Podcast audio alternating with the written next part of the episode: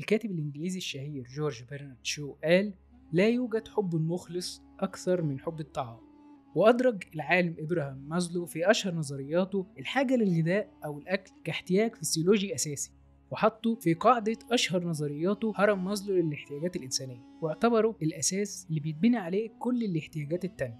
تاريخ البشرية مرتبط بالأكل. من وقت وجود الإنسان على الأرض وهو في مهمة لإيجاد الغذاء وكانت مهمة إيجاد الغذاء هي المهمة الأولى ليه عشان يقدر يعيش ويستمر في الحياة واتطور مفهوم الأكل من مجرد أساس للحياة لدرجة إنه بقى ثقافة وطريقة بيعبر بيها كل شعب عن مفهومه تجاه الحياة. فهي اللغة العالمية اللي بتتفهم من غير تعقيدات أو تعليم مش بتحتاج كلام وبتقدر توصل كل المشاعر اللي أنت محتاج توصلها. لكن لكل بلد أكلات مشهورة بيها بعضها بيتنقل نتيجة عوامل كتيرة زي الاحتلال أو التبادل التجاري والثقافي. وبعضها أصوله بترجع لأعماق التاريخ. والسؤال هل كل الأكلات اللي تعرفها أصلها فعلا مصري؟ وهل تعرف الحكاية ورا كل أكلة؟ كوباية القهوة بتاعتك وخليك معايا. أنا أحمد طه وأنت بتسمع الخلاصة.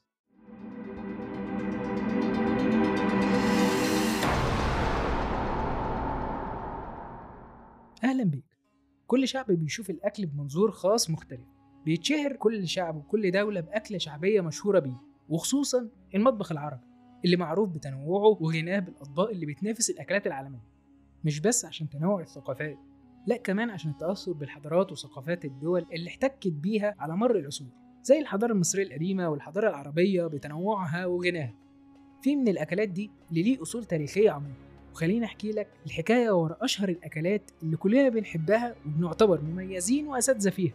مين فينا ما بيحبش الملوخية؟ على فكرة هي أكلة مصرية قديمة. الملوخية كانت موجودة من أيام الفراعنة وكانوا فاكرين إن كل نبات ينبت على ضفاف النيل واللي منها الملوخية هو نبات سام وأطلقوا عليه اسم خية ولما احتل الهكسوس مصر أجبروا المصريين على تناولها وكانوا بيقولوا لهم ملو خية بمعنى كلوا خية أو نبات الملوخية. ولما اكلها المصريين ولقوا نفسهم عايشين وما حصلهمش حاجة عرفوا إن الملوخية مش سامة زي ما كانوا فاكرين وبقت طبق أساسي بياكلوه. في رواية تانية بتقول إن الملوخية كانت في زمن المعز لدين الله الفاطمي. ونصحوا الأطباء إنه ياكل الملوخية لما جاله مغص حاد في معدته. كان تقريبا هيتسبب في موته. فأمر الأطباء بتناول الملوخية عشان هي بتحتوي على فوائد كتير. وفعلا شوف من المغص بتاعه وقرر يستأثر بيها لنفسه ولحشيته وبقت طعام الملوك بس حتى إنهم أطلقوا عليها اسم ملوكية. ومن هنا جت تسميتها. ده حتى من كتر حبه ليها أصدر قرار بمنع تناولها. وده اللي خلى الناس تقوم بزراعتها والتجارة فيها في السر. طب تعرف إيه الحكاية ورا المحشي؟ المحشي مش من الأكلات المصرية زي ما أنت فاكر هو دخل في وقت الحكم العثماني فالمحشي نفسه هي أكلة تركية لكن المصريين ضافوا لها بعض الإضافات وشالوا منها اللحوم أما عن الكشري فالكشري من أشهر الأكلات الشعبية المصرية لكن الناس اختلفوا في أصلها ففي أول ذكر تاريخي ليها كان بعد ما ذكرها الرحالة ابن بطوطة في كتابه تحفة النظار في غرائب الأنصار وعجائب الأسفار لما جه يوصف الهند وقال يطبخون الشعير مع الأرز ويأكلونه بالسمن ويسمونه كوتشري وعليه يفطرون في كل يوم. وبكده الكشري يعتبر أصله هندي وانتقل لمصر في وقت الحرب العالمية الأولى لما جه الهنود المجندين في الجيش الإنجليزي. وكانوا بياكلوا وجبة الكشري في الإفطار يوميا. واتحرفت الكلمة لحد ما وصلت لكلمة كشري. وبالرغم من كده الكشري المصري هو الأشهر على الإطلاق. في حكاية تانية بتقول إن الكشري أكلة مصرية أصيلة زي ما اتقال في كتاب الجبتانا أسفار التكوين المصرية للمؤرخ مانيتون السمنودي اللي بيحوي النصوص الدينية لمصر القديمة وأصل الكلمة كشير ومعناها طعام الآلهة. بيستخدمها اليهود لحد النهارده وبيقولوا عليها كوشر بمعنى الأكل الحلال. أما طبعا كلنا أكلنا الفلافل أو الطعمية واللي بتعتبر من أشهر الأكلات المصرية الأصيلة. في روايات مختلفة عن أصلها. ففي اللي بيقول إن الآباط المصريين هم اللي ابتكروها كأكلة بياكلوها في أيام الصيام بديل للحوم فهي متكونة من عدة كلمات فا لا فل ومعناها ذات الفول الكثير. أما طبعا الحلويات الشهيرة أم علي فهي حلويات مصرية أصيلة وقصتها مشهورة.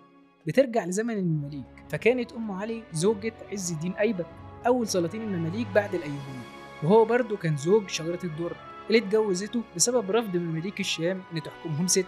وبعد ما عرفت شجرة الدر بجواز عز الدين أيبك من أم علي غضبت وقررت إنها تنتقم منه وقتلته. فقامت ضرتها أم علي بتدبير مكيدة ليها وقتلها وحطت ابنها علي ابن عز الدين أيبك سلطان. الاحتفال بالمناسبة دي أمرت بخلط الدقيق مع السكر والمكسرات وكل مقادير أم علي وتقديمها للناس على مدار شهر كامل احتفالا بتولي ابنها للسلطنة. ومن وقتها دخل الطبق الشهير ده في المطبخ المصري ومنه للعالم العربي كله. طب مين فينا ما يعرفش صوابع زينب؟ هل تعرف سبب تسميتها كده ليه؟ سبب التسمية رجع لعدة روايات. ففي رواية بتقول إن زينب كانت بنت شاطرة في الطبخ ابتكرت الحلويات دي وقدمتها للضيوف اللي قالوا لها تسلم صوابع زينب ومن يومها اتشهرت بالاسم ده. في رواية تانية بتقول إنها نسبة لزينب بنت الحسين بنت علي رضي الله عنه وإن المصريين أطلقوا على الحلويات الاسم ده لحبهم لآل البيت. أما عن رموش الست فهي حلويات مشهورة في سوريا والعراق واتنقلت بعد كده لمصر. ترجع تسميتها لأيام بربر أغا حاكم طرابلس لما عمل حفلة عشاء كبيرة ودعا عليها أكبر أعيان المدينة وقدم نوع جديد من الحلويات على شكل زين وكان في واحد من الظرفاء مدعو للحفلة دي اللي ضمت عدد كبير جدا من الستات. فاقترح على الحاكم إنه يسمي الحلويات دي باسم زنود الست وبعد كده اتحرفت واتسمت برموش الست. أما على الكنافة فبترجع تسميتها للغة الشركسية شنافا تشين معناها طائر البلبل وأفا معناها لول وأصولها بيختلف فيها. في اللي بيرجعها للخليفة معاوية بن أبي سفيان لما كان والي على الشام واللي طلب من الطباخ بتاعه أكل يقلل شعوره بالجوع أثناء الصيام فقدم له الكنافة كسحور وفي رواية تانية بتقول إنها اتقدمت لسليمان بن عبد الملك مش معاوية بن أبي سفيان. أما القطايف بترجع أصولها للعصر العباسي. وفي روايات بتقول إن أول من أكل القطايف في رمضان كان الخليفة الأموي سليمان بن عبد الملك.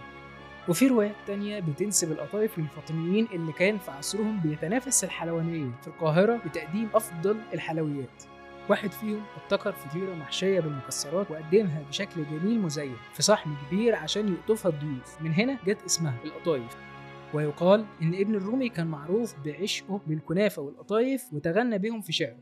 أظن مفيش حد في مصر ما كلش قبل كده الفطير المشلتت. الفطير المشلتت يعتبر أكلة مصرية أصيلة. وبيعتبر من أقدم أنواع الأكلات المسجلة في التاريخ.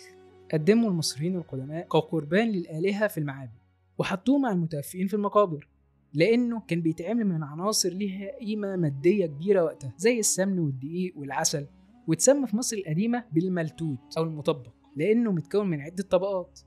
ومع مرور الأيام بقى الفطير المشلتت جزء من الثقافة المصرية بتتوارثه الأجيال وبيتقدم للضيوف كنوع من الترحيب بيهم.